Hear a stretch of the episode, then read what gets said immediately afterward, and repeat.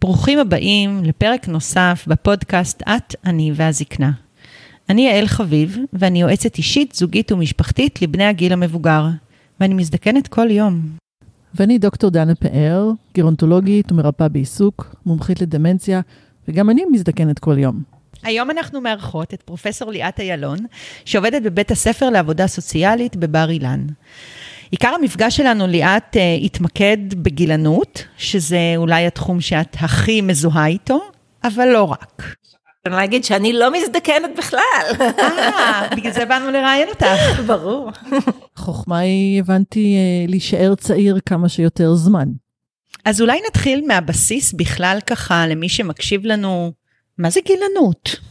טוב, אז האמת היא שיש המון הגדרות, אבל אני אתן את ההגדרה הכי אה, עדכנית, שפשוט אני אלך עם ההגדרה של ארגון הבריאות העולמי, בגלל שאני חושבת שיש ניסיון שלכולם תהיה את אותה הגדרה ושנגיע לאיזשהו עמק השווה בנושא. אה, אז גילנות אה, מוגדרת כהטייה בדרך שבה אנחנו חושבים, מרגישים ומתנהגים כלפי אנשים בשל גילם. והיא יכולה להיות גם חיובית, גם שלילית. גם uh, כלפי אנשים צעירים, גם כלפי אנשים מבוגרים, ובעצם גילנות היא כמו גזענות, מינניות, אבל אנחנו פחות מכירים אותה, אני חושבת, בחיי היום-יום, לעומת שתי האפליות הגדולות האחרות. יש גילנות גם שהיא מופנית כלפי עצמי, גילנות מופנמת, לא רק של החברה, גם גילנות שבעצם אני אה, מקטלג את עצמי או טוען לעצמי את הגילנות, את הגילנות הזו. נכון, האמת היא שבגלל שהגילנות היא גם כל כך אה, רווחת בחיי היומיום שלנו, אנחנו כל הזמן מפנימים את המסרים. עכשיו, התגובה שלי אלייך, שאמרתי, אני לא מזדקנת, זה בדיוק התגובה של מי שנורא נורא נורא מפחד מהזקנה, וזה בדיוק הגילנות העצמית הזאת שאנחנו מפנים, מפנימים לאורך כל השנים. ואז באיזשהו שלב, ההפנמה הזאת הופכת להיות רלוונטית לנו. כי אה, הזקנה הופכת להיות רלוונטית לנו. אז מי שבתחום הזקנה זה אולי מתחיל בגיל יותר צעיר, מי שבתחומים אחרים מודעים לזה בשלב יותר מאוחר, אבל במוקדם ומאוחר אנחנו לא יכולים לברוח מזה. וזה רלוונטי לכולנו, וזה תופס את כולנו, ואז אותם סטריאוטיפים שליליים, שבכל מקום אנחנו רואים אותם כלפי הזקנה, ואנחנו הפנמנו אותם, פתאום הופכים להיות כלפינו, ו- ואנחנו נורא מפחדים מהשלב הזה שבו אנחנו זקנים. כמו מה למשל, איך באה לידי ביטוי גילנות? מילולית. מילולית? את לא נראית, לגיל, את לא נראית צעירה לגילך, נכון? את לא נראית בת 40, 50, 60. מה בגילי שאני אלך ואשב עם האנשים האלה בדיור מוגן או במרכז יום? אז זה בא לידי ביטוי ככה ובהרבה דרכים אחרות. אה, מה שאני אלמד עכשיו להפעיל תוכנת מחשב בגיל הזה. אז הוא בעצם התכחשות. זאת אומרת שהיא, שהיא מופנמת. זה לא חייב להיות התכחשות, זה יכול להיות לנסות להתרחק מקבוצת הגיל הזאת כדי שזה לא יהיה אתה. אה, זה יכול להיות אה, מאוד מאוד להתבאס ולהיות בדיכאון ממה שאתה רואה על עצמך, זה יכול להיות כל מיני דברים, זה לא חייב להיות התכחשות, זה יכול להיות כל מיני התנהגויות שקשורות לזה שהתפיסה שלך כלפי הגיל המזדקן שלך היא מאוד מאוד שלילית, אבל עוד פעם, גילנות היא באמת לא חייבת להיות שלילית, והיא גם לא חייבת להיות כלפי זקנים. הייתה לי חוויה שהייתי גילנית, תפסתי את עצמי גילנית כלפי מישהו צעיר ממני. זאת אומרת, הייתי באיזושהי אה, סדנה מקצועית שבה למדנו, ומי שאחד האנשים שבא ללמד היה בחור בשנות ה-20 שלו. ואני מודה שהסתכלתי עליו בתור, מה יש לך ללמד אותי? ובסוף הסדנה, אחרי יומיים, באתי אליו ואמרתי, אני מתנצלת, אתה לא יודע את זה, אבל אני הייתי מה זה גילנית כלפיך ולמדתי המון, אז אני מאוד מודה לך. אבל זה באמת היה איזה אירוע שאמרתי לעצמי, עד אז חשבתי, מה זה להיות גילני כלפי צעירים? אין דבר כזה. אבל מאז אני יודעת שיש גם דבר כזה. בטח שיש, מה, כשדוחפים אותך בתור כי אתה צעיר, או כשאומרים תביא את אימא שתעשה את הקניות. אבל או... אני חושבת ששלושתנו, כנשים שעובדות עם האוכלוסייה המבוגרת, אנחנו לא פעם מגיעות למקום שבאמת אומרים לנו, את צעירה, מה את מבינה? או מה יש לך, מה יש לך לתת לי? את, את אף פעם לא היית בת 78. איך את יודעת? שזה נכון. שזה אף פעם לא היינו בנות 78 עדיין. הלוואי, וזה נכון מאוד. אז מה הביא אותך באופן כללי לעולם הזקנה? טוב, יש כל מיני סיפורים, אבל האמת היא שזה לכאורה הסיפורים שאתה מספר לעצמך, אני לא יודעת מה מהסיפורים האלה. נראה לי שיש אחד שהוא יותר אמיתי, אז אני לא יודעת אם להתחיל בו או לא בו תתחילי עם מה דווקא. שהכי נראה לך.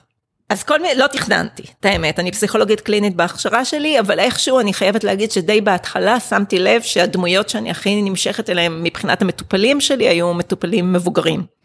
אה, אז די מהר הרגשתי שזה מה שאני רוצה לעשות. אה, גם עבודת התזה וגם הדוקטורט לא היו בתחום הזקנה, אבל גם די מהר הרגשתי, פשוט מאוד אהבתי את המנחה שלי, אז נשארתי לעבוד איתו, אבל די מהר הרגשתי שאני רוצה יותר לעשות מחקר בתחום הזקנה, וככה עבדתי עם אה, אה, חוקרת אחרת על הזקנה כבר בתהליך של הדוקטורט.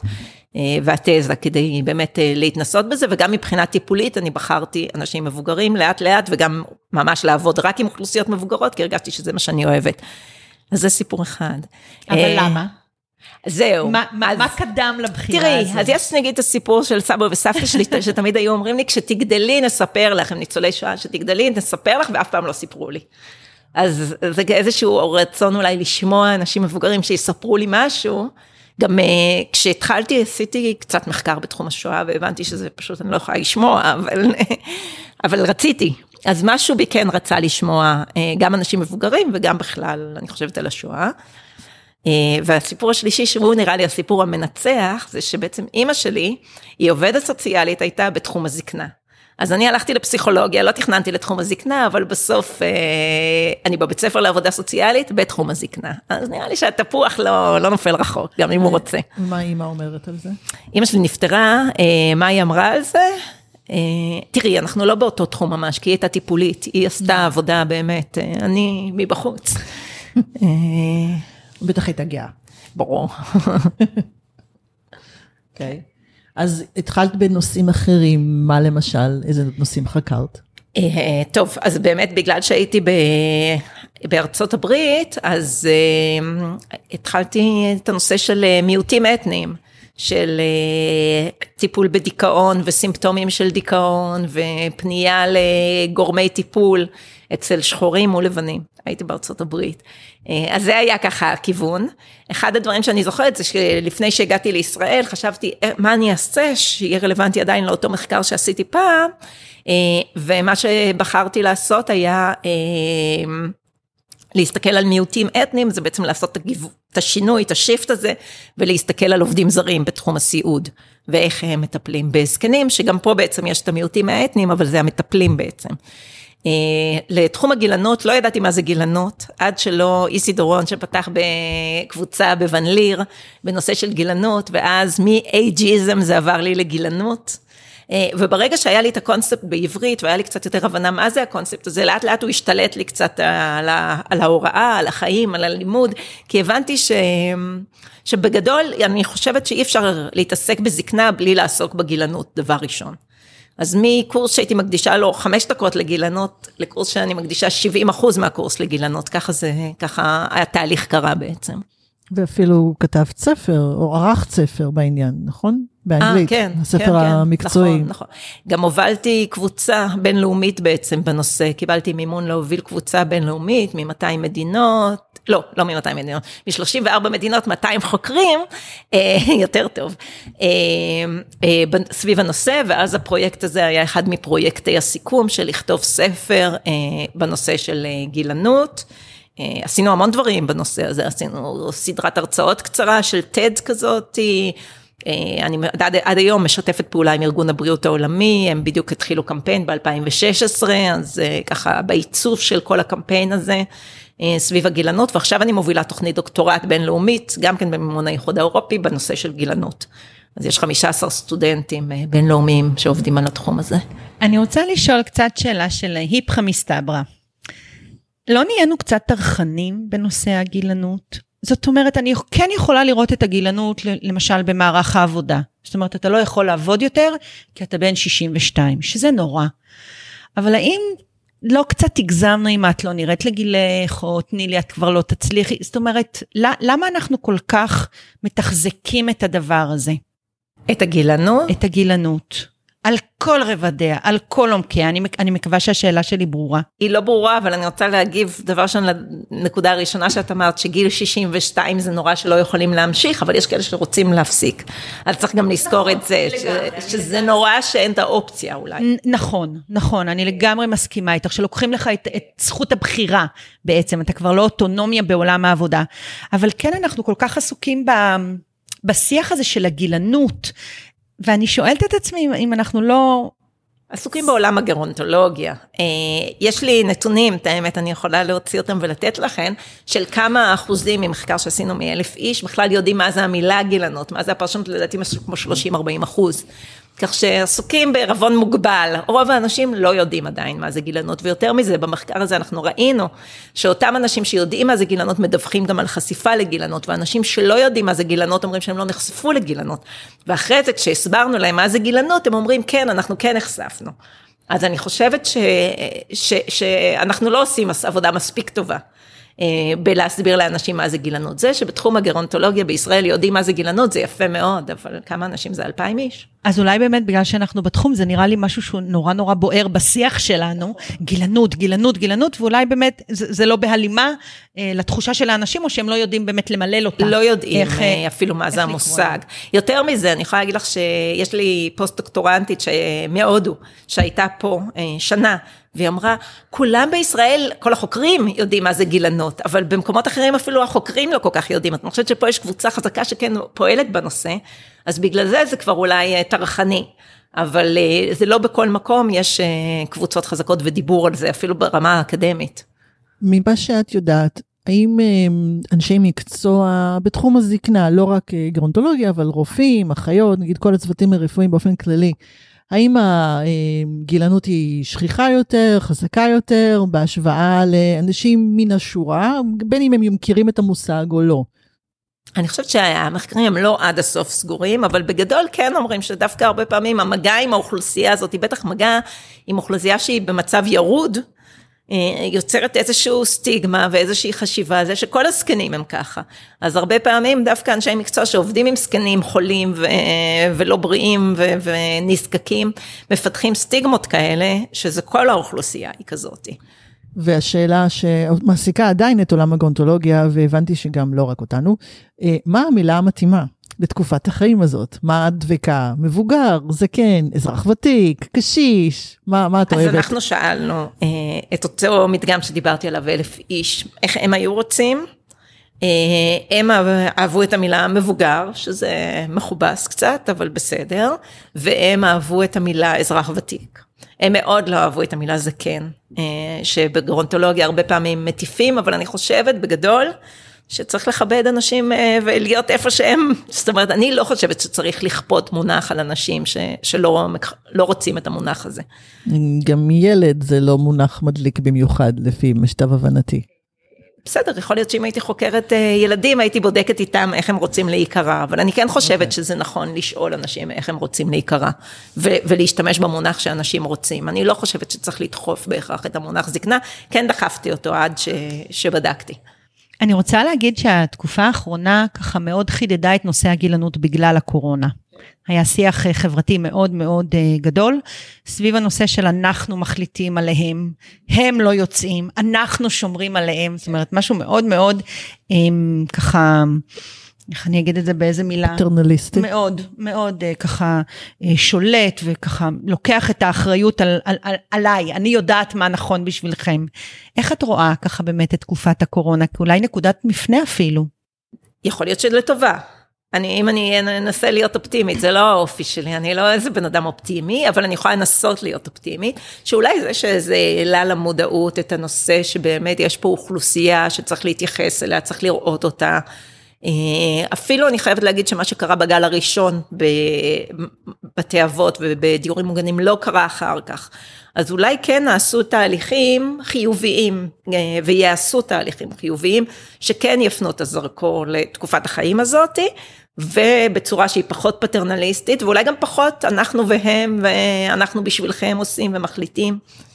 אני לא יודעת, את האמת. אה, אני חושבת שזה פשוט היה תקופה של לחץ, של אי ודאות ושל אה, מיעוט משאבים, וכשצריך לחלק אותם, אז הזקנים הם בסוף. גילנות זה גם עניין קצת תרבותי?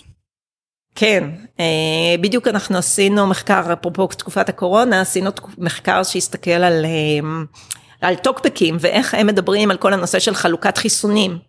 אה, אני חושבת שבישראל דבר ראשון הרעיון של החיסונים והמתחסנים בגיל מסוים ומעלה בהתחלה, בכלל לא היה דבייט האם זה בסדר או לא בסדר, קיבלו את זה במדינה כי גם לא היה מחסור אפרופו בחיסונים. שסליחה ליאת, זה לא קצת גילני?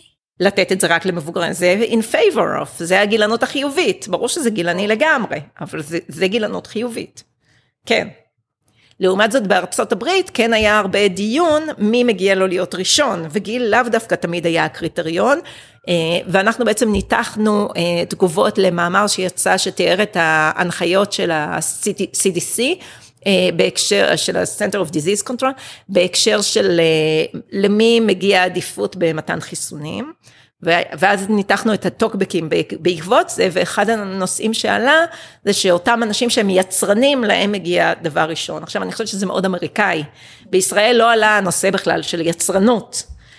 וחברה שהיא ניאו-ליברלית ומאמינה בלתרום לכלכלה והכל, כמו ארצות הברית, אז שמה הם קיבלו את העדיפות מספר אחת. אז גילנות זה מאוד חברתי, כי זקנים עובדים היו בראש, ובטח מקצועות הבריאות ונותני השירותים גם היו בראש שם מבחינת החלוקה, אה, לפי תפיסות הציבור. אז זה שונה מישראל, כן. זה ממש מעניין. כן. ההבדל הזה. לא עלה בדעתי שזה ככה יבוא לידי ביטוי. נכון, כי אנחנו אפילו לא חושבים על זה שיצרנות זה איזשהו, אה, נותן לך עדיפות לעומת אחרים. נכון, נכון, כאילו ברור לנו שזה... כי אנחנו קצת יותר חברת מי רווחה. מי שפגיע הוא כן. מי שמקבל ראשון. כן. זה היה ברור פה. אז לא, שמה מי שתורם לכלכלה הוא זה שמקבל ראשון. זה, מה, זה משהו שאפשר לעגן בחוק, גילנות? אני חושבת שצריך לעגן בחוק, זאת אומרת, אני חושבת שאין מספיק חקיקה בהקשר אה, של אה, אפליה על רקע של גיל. אה, ואני חושבת שברגע שיהיה חוק, אז גם דבר ראשון הוא יגיד לך בפועל איך להתנהג ויפחיד אותך אולי וכולי, אבל גם אנחנו נטמיע את זה. כמו שאפרופו אני, אה, לפני שהגעתם, אני בדיוק קיבלתי אימייל שאני צריכה להשתתף בסדנה של הטרדה מינית. אז אותו דבר בדיוק, שיהיו סדנאות של הטרדה על רקע של גיל, של אפליה על רקע של גיל. אני חושבת, וזה, ודרך אגב, זה, ההשתתפות בסדנה היא חוקית, זאת אומרת, אני חייבת להשתתף כרגע. אז אותו דבר, אם יקבעו גם בחוק את הסדנאות על רקע, על אפליה על רקע של גיל, אני חושבת שיהיה שינוי תודעתי בזכות זה. את לא נראית לגילך, זה פוגעני או שזו מחמאה? תלוי, תשאלי את מי שאומר ומי שמקבל. אוקיי, okay, אז, אז את אומרת שיש כאן משהו מאוד נזיל בנושא של הגיליונות, זאת אומרת, מאוד מאוד קשה אה, לעגן אותו בחוק, בגלל המקום של, של הבנה ופרשנות. כי כשלי את אומרת, את לא נראית לגילך, עבורי זו מחמאה נהדרת. את זה לא יעגנו בחוק. החוק יהיה על דברים אחרים. יהיה? הוא יהיה כמו שאמרת, שלמשל פרישה תלוית גיל, זה לא חוקי להגיד למישהו, הגעת לגיל X ואתה צריך לפרוש עכשיו. כי אפרופו הטרדות מיניות, גם פה אולי קצת הרחקנו לכת מהמקום של מה זה אה, מחמאה, להחמיא, ומה זה אולי להטריד. ואני שואלת את עצמי, בגילנות, כמה אנחנו באמת יכולים אולי לא לגלוש לשם, או כן לשמר את המקום של אה, לשמור את המחמאה ולשמור את המילים היפות, וכן להחמיא לבן אדם מבוגר על איזה יופי הוא מצליח, כן למרות, בגלל גילו. למרות. על אף. על אף. אז יש נכון, פה את ה... נכון. יש פה גם את הצ'ופצ'יק אוקיי. שצריך לזכור. זה לא לגמרי מחמאה. זו מחמאה עם אה, אבל, שלמרות גילך. על אף, כן, על אף למרות... אה, יפה, אוקיי, מעניין. אבל איך... זה לא יהיה בחוק. זה לא. השיח הציבורי לא, לא חושבת, לא, בטח לא בשלב הראשון, כי אנחנו ממש כל כך לא שם עדיין, שיש כל כך הרבה אפליות לטוב ולרע, שלכאורה מותר לעשות אותם על בסיס גילי, שאני לא חושבת שאנחנו נגיע ל, למצב שלא יאפשרו אה, לתת מחמאות. אז, אז מה יהיה כשאת תהיי זקנה? לא יודעת. מה, מה נראה לך? ככה, אם אני אומרת לך, ליאת, בואי נעוף 50 שנה קדימה, איך, איך תראה פה הזקנה? תראי, אני יכולה להגיד לך שהקמפיין של ארגון הבריאות העולמי התחיל ב-2016, מתכננים ב-31 לסיים. זאת אומרת, הם אמרו 15 שנה ייקח לנו לעשות איזשהו שינוי חברתי. אז אני מתקרבת. שזה מעודד. אה, שיהיה שינוי. כן, אני חושבת, אני חושבת. ואיך זה ייראה? איך הם, איך הם ככה, מה, מה החרוט על דגלם בעצם? של ארגון הבריאות כן. העולמי? אז אה, בגדול הסלוגן זה לשנות את הדרך בה אנחנו מרגישים, חושבים ומתנהגים כלפי אנשים בשל גילם, כדי שנוכל לחיות בעולם לכל גיל. זה, זה לכאורה הסלוגן, אני יכולה להגיד לך שיותר מזה, למרות שהם התחילו אה, את הקמפיין עם חשיבה על אנשים מבוגרים, אה, הם שינו באמצע הדרך והוסיפו צעירים. בקרוב הם הולכים לצאת בעצם ביום הזקן הבינלאומי עם הקמפיין ככה למשך חודש נדמה לי או חודשיים, מיום הזקן הבינלאומי עד יום הילד הבינלאומי. ולהתחיל בלדבר על אפליה על רקע של גיל כלפי מבוגרים ואז לעבור לאפליה על רקע של גיל כלפי צעירים. אז, אה, אז בהחלט אה, ככה אני חושבת שהם עשו איזשהו שיפט שהגילנות היא לא רק כלפי אה, זקנים. כן. איך היא תיראה בעוד 30 שנה? אני לא יודעת, אני מקווה שיהיה בסדר, אבל אני חושבת שזה גם מאוד תלוי אינדיבידואל. אני במעמד מאוד פריבילגי, גם אם אני אפסיק לעבוד בגיל 67, אני אוכל להמשיך למצוא תעסוקה ולעבוד, ואני מאלה שלא רוצים להפסיק לעבוד, כי יש לי עבודה שתאפשר לי לעבוד אחר כך, גם בגיל 70 פלוס. נראה לי שיהיו דברים שקצת ישתנו ויהיו דברים שלא ישתנו, אני חושבת שאני בתחום שבאמת, אני עושה, אני עובדת על הפחדים של עצמי. זה לא במקרה שאני בתחום הגילנות, אז עוד 30 שנה. כמו כולנו. כן, שמה... גם לא מזדקנת. ברור. אם אנחנו רגע חוזרות להתחלה. נכון, נכון. רק דנה ואני מזדקנת. אז אני מקווה בשבילכם שיהיה לכם טוב, כי אני אשאר אותו מקום. אנחנו בונות על אנשים כמוך, שיעזרו לנו זקנה טובה. את יודעת, אבל אנחנו תמיד גאים. א', ברנרד ברוך, אני חושבת, היה זה שאמר, מי הוא האדם הזקן? כל מי שמבוגר ממני ב-15 שנה, פתרתי את כל הבעיות, אוקיי. אבל באמת ראיתי את זה, אה, שאנשים הם... בגיל שאנחנו, ברור לנו שהם נכנסים לקטגוריה של אזרחים ותיקים, כי הם בני 75, והם מסתכלים על בני 80, אומרים, אה, לא, הוא, הוא זקן. הוא כבר רואים עליו שיש בעיות וזה, זה בגלל שהוא זקן. ואז אני הרבה פעמים אומרת, אבל אם זה היה קורה לכם, איזשהו אירוע שהייתם אומרים, טוב, נו, את יודעת, קורה, לא משהו היסטרי. אבל בגלל שהוא, יש חמש שנים הבדל בתעודת זהות, אז ברור להם שזה בגלל שהוא אה, מזדקן. אז זה באמת העניין של גם שהפנימו, אבל אני חושבת שזה איזשהו רצון באמת להרחיק מעצמם, ובסופו של דבר גם העניין של הגיל הכרונולוגי, כשזה בתוך קבוצת הגיל של האזרחים הוותיקים, זה לא העניין של השנים, והגיל שכתוב זה הרבה מעבר לזה, של איך זה משפיע על התפיסה שלנו. אבל אני חושבת שאחת אולי התפיסות הגילניות, זה באמת לקחת אוכלוסייה של 30 שנה בממוצע ו- ולהגדיר אותה כקבוצה. ולהגיד בעצם מגיל 62 או 65 עד תוחלת חיים של 90, אה, פלוס מינוס, ולהגיד, אוקיי, אתם קבוצה אחת, זה, זה אולי הדבר הכי גילני ש, שככה באמת יכול להיות. לא, לא להבחין בהבדלים, כי 0 עד 30 אנחנו יודעים לקרוא לזה בשמות אחרים. יש שם הרבה תתי קבוצות. יש uh, הרצאת TED, TEDx האמת היא, שמישהו עשה בנושא של גילנות, והוא מדבר עליי ועל עוד כמה חוקרות, והוא אומר, זה לא במקרה שכולן שם חוקרות, uh, וכולנו כזה באותו גיל פחות או יותר, הן מתכוננות, הן מפחדות, האפליה כלפי נשים היא הרבה יותר גדולה. אה, ואני ממש נפגעתי ולא הבנתי ולא חשבתי על זה לפני שהוא אמר את זה, ואחרי שהוא אמר, אני מבינה. באמת האפליה על רקע גיל היא יותר לנשים מלגברים? תראי את ריצ'רד גיר, הוא מזדקן נהדר. ג'וליה רוברטס, לצורך העניין, באותו סרט, היא לא... קצת פחות. קצת פחות, זהו, כאילו. והיא עוד בסדר. כן. זהו, היא משקיעה. כל ה... אבל באמת יש שינוי עכשיו באופן כללי לצורך העניין במדיה, אוקיי? כל הנושא של diversity בטח בארצות הברית, אבל גם בארץ אנחנו רואים מודלים אחרים של יופי, של אה, דוגמנים ודוגמניות ופרזנטורים לכל מיני מותגים וכדומה. מה דעתך על התופעה הזו שהייתה, אני חושבת לפני שנה לקראת הבחירות בארצות הברית של ה millennials, של אה, boomers? היה ממש אה, קטע כזה שהם עשו סרטונים על להשתיק את הבומרס, שתראו מה עשיתם לנו וקלקלתם לנו, דפקתם לנו את החיים, כל הכלכלה לא בסדר בגללכם וכדומה. שום, אה, וכאילו, לא יודעת אם להגיד, אה, לגרש אותם למקום אחר או לנשל אותם ממה שהם קיבלו, אבל זה, זה היה כאילו גילנות הכי out there שאפשר, ממש חשופה וברורה ומובהקת. וזה התחיל באוקיי בומר, והפך לבומר רימובר בקורונה. אה, אבל אני חושבת עוד פעם, אפרופו אם זה תלוי תרבות, אז אני חושבת שבישראל, פחות, הילדים שלי אמנם התפעלו שאני יודעת מה זה אוקיי בומר, כי זה מים, אני חושבת שאני נורא קולית והכל, אבל בישראל פחות אני חושבת שזה נוכח, המתח הבין גילאי, כי, כי כן יש משהו בקשר עם הסבים והסבתות שהוא הרבה יותר אה, צמוד, ו, והם לא רק בומרים בשביל הנכדים. הם... אני חושבת שהילדים שלי עוד לא יודעים מה זה בומר. לא יודעים? אז הילדים שלי יודעים ומכירים את האוקיי בומר בתור מים. והם התלהבו שאני מכירה את זה, אבל זה לא יושב אצלהם. הקשרים שלהם עם הדור אה, מעליהם, השני דורות מעליהם, הם, טוב, הם אחרים, הם חזקים. אני, אני לא יודעת כמה, כמה הילדים שלנו אולי חושבים שאנחנו, ההורים שלהם, יותר זקנים מסבא וסבתא שלהם. זאת אומרת, בתפקוד, ביכולת להכיל, בלהיות, בלהימצא, כי אנחנו כל כך כבדים לפעמים כהורים, והתפקיד ההורי הוא להחזיק ולחנך, ודווקא סבא וסבתא זה לטייל ולקנות ולבלות. אה, אז אולי דווקא באמת בחוויית הגיל, אה, הגילנות היא יותר להורים. איזה סבתא תהיי? איזה סבתא אני אהיה? אני אשתדל להיות סבתא עם גבולות, כי אימא שלי הייתה עם פחות גבולות, ואני חושבת שזה טוב לשמור על עצמך.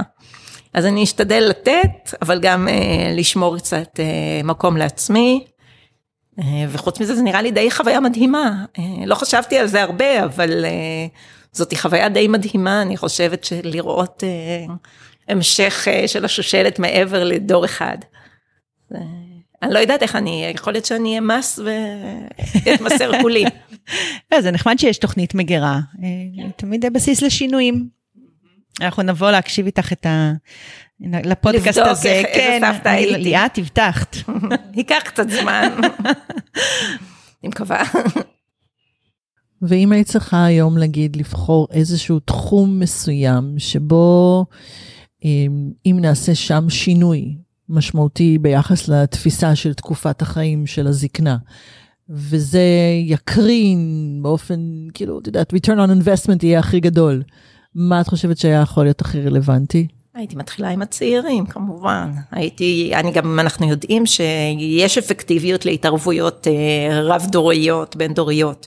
אז הייתי עושה משהו כזה, אני חושבת שבזה הייתי משקיעה, ודרך אגב, ארגון הבריאות העולמי זה מה שהוא מתחיל עכשיו. אה, לפתח התערבויות, לפתח כלים של עבודה ב... שמגשרת ומקשרת בין אה, אנשים מדורות שונים. כמו מה למשל?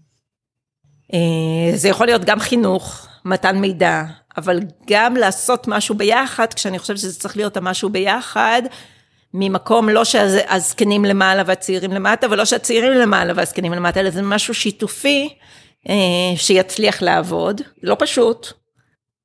איך הייתה לדעתך תוכנית 84? היא עשתה טוב? היא עשתה לא, לא טוב? ראיתי אותה, את האמת, ראיתי רק אה, חלקים כאלה. אה, אנשים מסביבי מאוד התלהבו. אנשים אז, שלא אה, מכירים את העולם. אה, גם סטודנטים שלי שכן בעולם הזה מאוד התלהבו בגדול. אה, אני חושבת שיש לזה פוטנציאל לרעיון של אה, לקשר ואני עשיתי מחקר בדיורים מוגנים בזמנו ואני זוכרת שלא פעם ולא פעמיים עלה הכל שאם רק היו פה קצת צעירים זה היה משנה את הכל זאת אומרת אני חושבת שכן יש את הרצון ואת הצורך. אני לא יודעת איך התוכנית הזאת אני מקווה שהיא לא גיחכה את הזקנים או הציגה בצורה נלעגת או סטריאוטיפית אני לא ראיתי אז אני לא יודעת להגיד כי ראיתי רק אה, נקודות כאלה. אבל אני חושבת שהשילוב של צעירים ומבוגרים הוא מבורך והוא חשוב.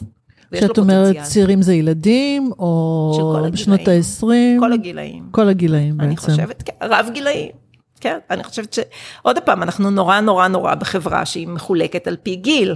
השאיפ... ו... ובעצם אחד ההסברים לאיך גילנות נוצרת זה גם החלוקה הזאת שמדגישה שכל עוד אתה רק עם קבוצת הגיל שלך, אז אנחנו מולהם, וכשזה אנחנו מולהם, אז אין כל כך אמפתיה למי זה הם.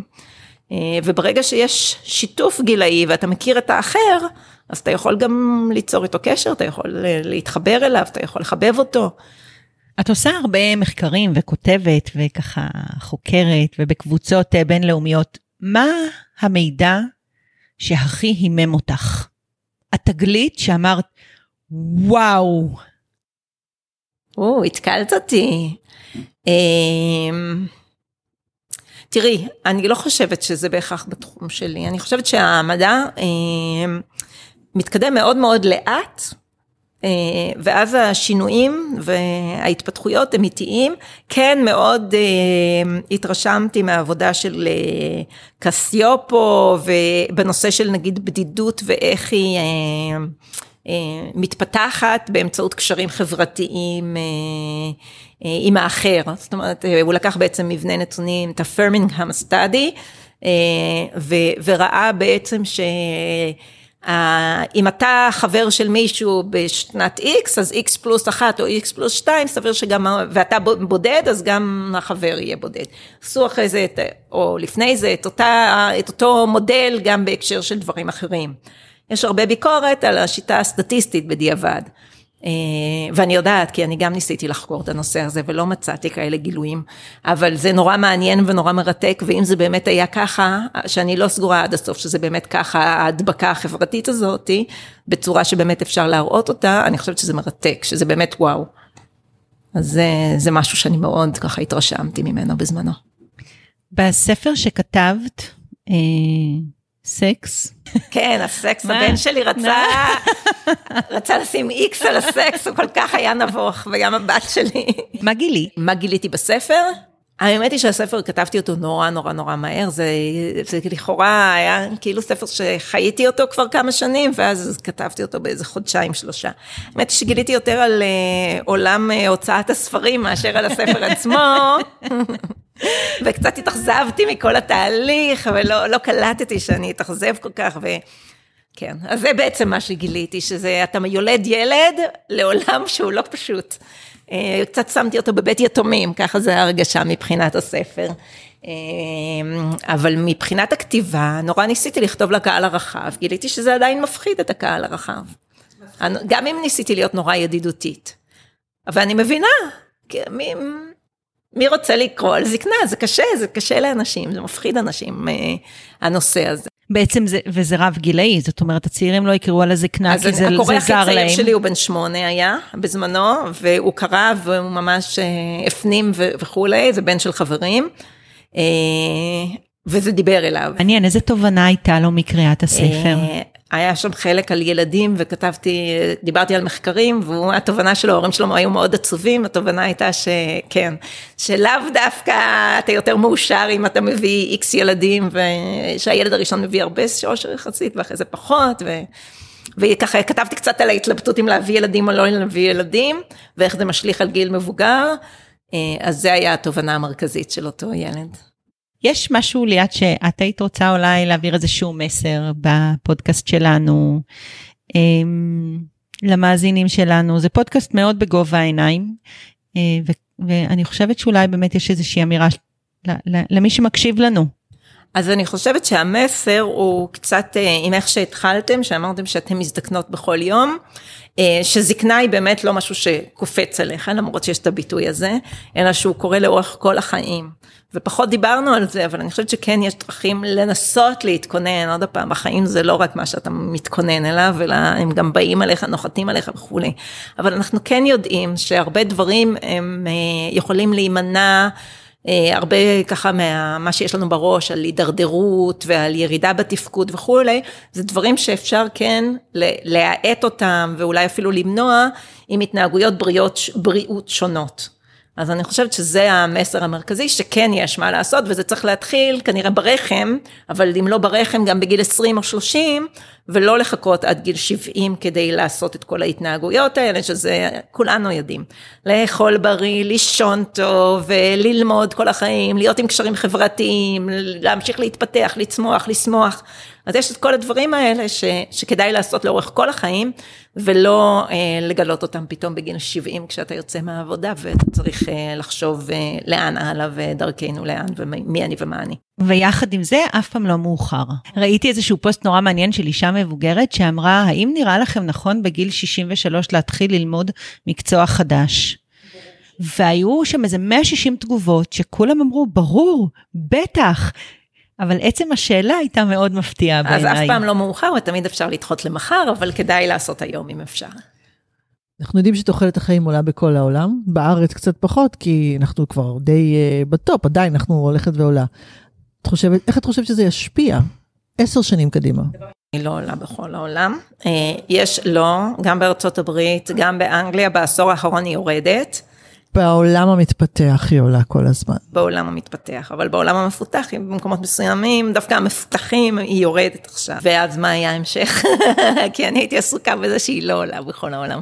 אה, איך זה ישפיע על התפיסה של זקנה, או על המקום של זקנים, אנשים מבוגרים, אזרחים ותיקים, נקרא לזה אזרחים ותיקים, בזירה, ברמה העולמית. אני חושבת שזה מאוד מאוד תלוי אה, כמה מקום יהיה להם ומי יהיה מסביב. זאת אומרת, אנחנו יודעים שביפן, עוד פעם, אני אלך לקיצון, שזו חברה שיש בה הרבה אנשים זקנים וגם תוחלת חיים מאוד מאוד מאוד גבוהה.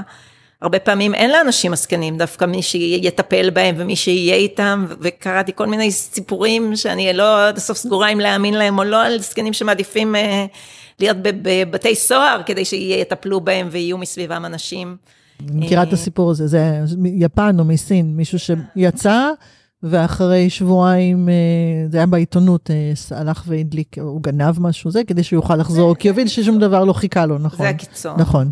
אז uh, אני חושבת אבל שבהחלט כחברה אנחנו צריכים להתכונן לזה. עכשיו, אני לא אוהבת את המונח של לדבר על זקנה כאתגר, כי, כי עוד פעם זה עושה דיוולואציה למה זה זקנה. אבל אולי השינויים הדמוגרפיים, השינויים זה האתגר. לאו דווקא הזקנה, אלא זה שאנחנו פשוט נחיה בחברה שהיא שונה ממה שאנחנו עכשיו חיים בה. ו- ומה זה אומר עלינו כחברה ואיך להתמודד. אז, אז יהיו אתגרים, ברור. אבל זה לאו דווקא הזקנה כמו זה שזה פשוט יהיה אחר. נראה לי שזה מסוג הדברים שכשזה יגיע, אז פתאום נזכר להתייחס לזה. ו... כמו כל דבר. האמת היא כן. שאחד הנושאים שהכי מעניינים אותי עכשיו זה כל הנושא של שינויי מזג, climate change, של שינויי אקלים ואיך זה קשור לתחום הזקנה. אה, ו, וכן, זה על אותו עיקרון קצת, כי זה שינויים שקורים, ו, ואנחנו יודעים שהם פה ואנחנו לא יודעים שהם פה. אז בהקשר של הזקנה זה עניין אותי כל השיח שאתה רואה בתקשורת, שמאוד מאשים את הזקנים וכולי. ואז בדיוק ניסיתי לעשות עכשיו מחקר שיסתכל על מה השיח המחקרי בנושא, ופחות יש את ההאשמה הבין-דורית, פחות חוקרים את הנושא, אלא יותר את הפגיעות של אנשים זקנים אה, לשינוי אקלים, אבל גם הפגיעות הזאת היא לא פגיעות רק פיזית, אלא גם חברתית ומבנית ומדינית, מבחינת המדיניות. אה, והיא לא באה לידי ביטוי רק במוות או במחלות, אלא גם בצד הנפשי ובצד של הפרת זכויות אדם ובצד של התעללות. אה, אז זה הרבה יותר מורכב. את חושבת שהחוקרים בוחרים לחקור את מה שיחסית נוח להם?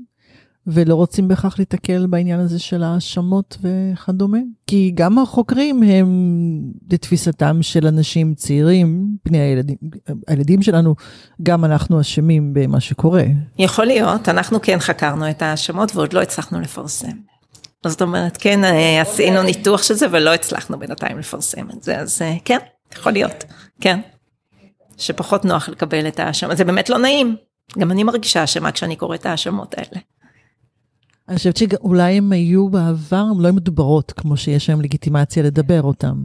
זאת אומרת, גם אם ההורים שלי חשבו כל מיני דברים על ההורים שלהם, אה, זה לא היה אפשרי להביע את זה כמו שהיום יש הרבה יותר פתיחות והעצמה של רק תגידו וחופש הביטוי והכל הולך.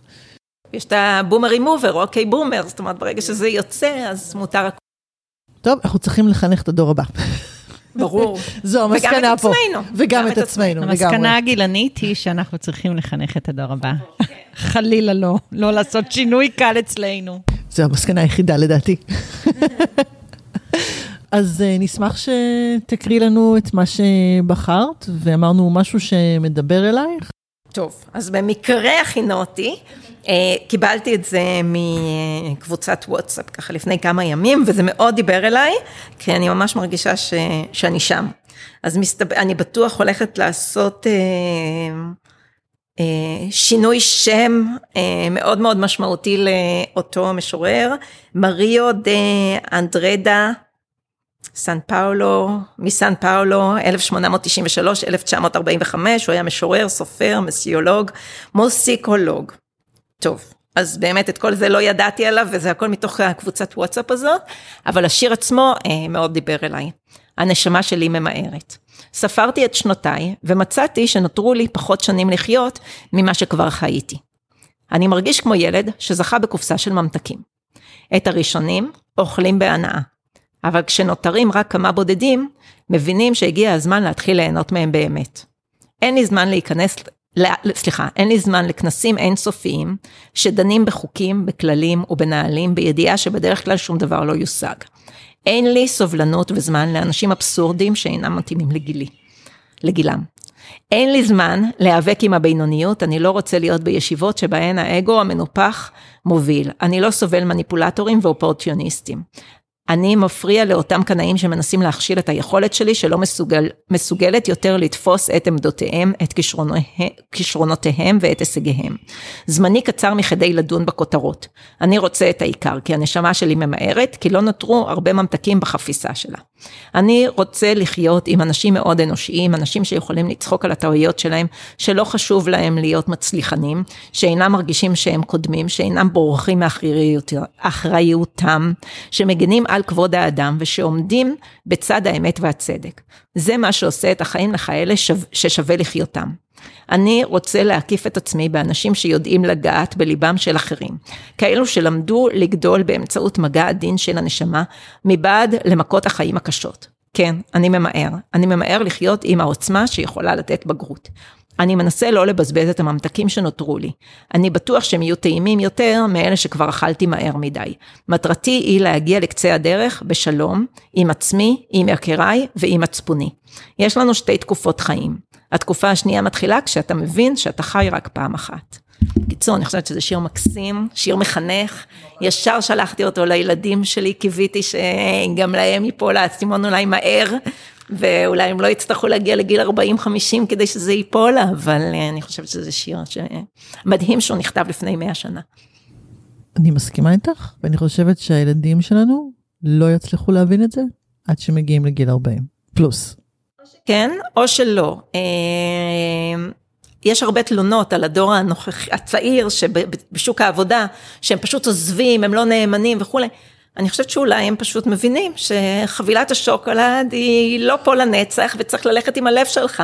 אז אולי בעצם הם עושים את הדבר הנכון, ואנחנו שתקועים וכבולים ומוסריים ומסורים, אולי אנחנו אלה שעושים את הטעויות אה, בתפיסה. בתפיסה שלי, יש לנו קערת ממתקים שאנחנו נורא נורא שומרים עליה, אנחנו לא רוצים לבזבז אותה, ואז אנחנו מתים עם סלסלת ממתקים. בתפיסה שלי, אנחנו דווקא מבזבזים אותה בזה שאנחנו באמת מכניסים אותה מהר, מהר, מהר, מהר, ולא באמת עוצרים כדי לטעום כל ממתק וממתק. אז אנחנו, בתפיסה שלי אנחנו קמצנים, אנחנו כאילו שומרים את זה, שזה לא יתבזבז. יכול להיות שאת הקמצנית ואני זאתי שאוכלת מהר, את יודעת. מציאות, אה, אם היו רואים אותנו. אני רואה שאני צריכה ללכת לאיזה חנות ממתקים להשיג לי משהו. טוב, באמת, אה, אני בוחרת לאמץ את התפיסה שלך, של ה... ש... שיר מקסים, אה? כן. חינוכי מאוד. אם הייתי מחנכת בבית ספר, הייתי מתחילה איתו את השיעור. ליאת, תודה רבה. נעמת לנו מאוד, החכמנו. יופי. אה, ויאללה, קדימה להזדקנות. אנחנו נמשיך להזדקן כל יום. Good luck, כמו שאמרתי, אני לא איתכן. אז עד הפעם הבאה, להתראות. Thank you.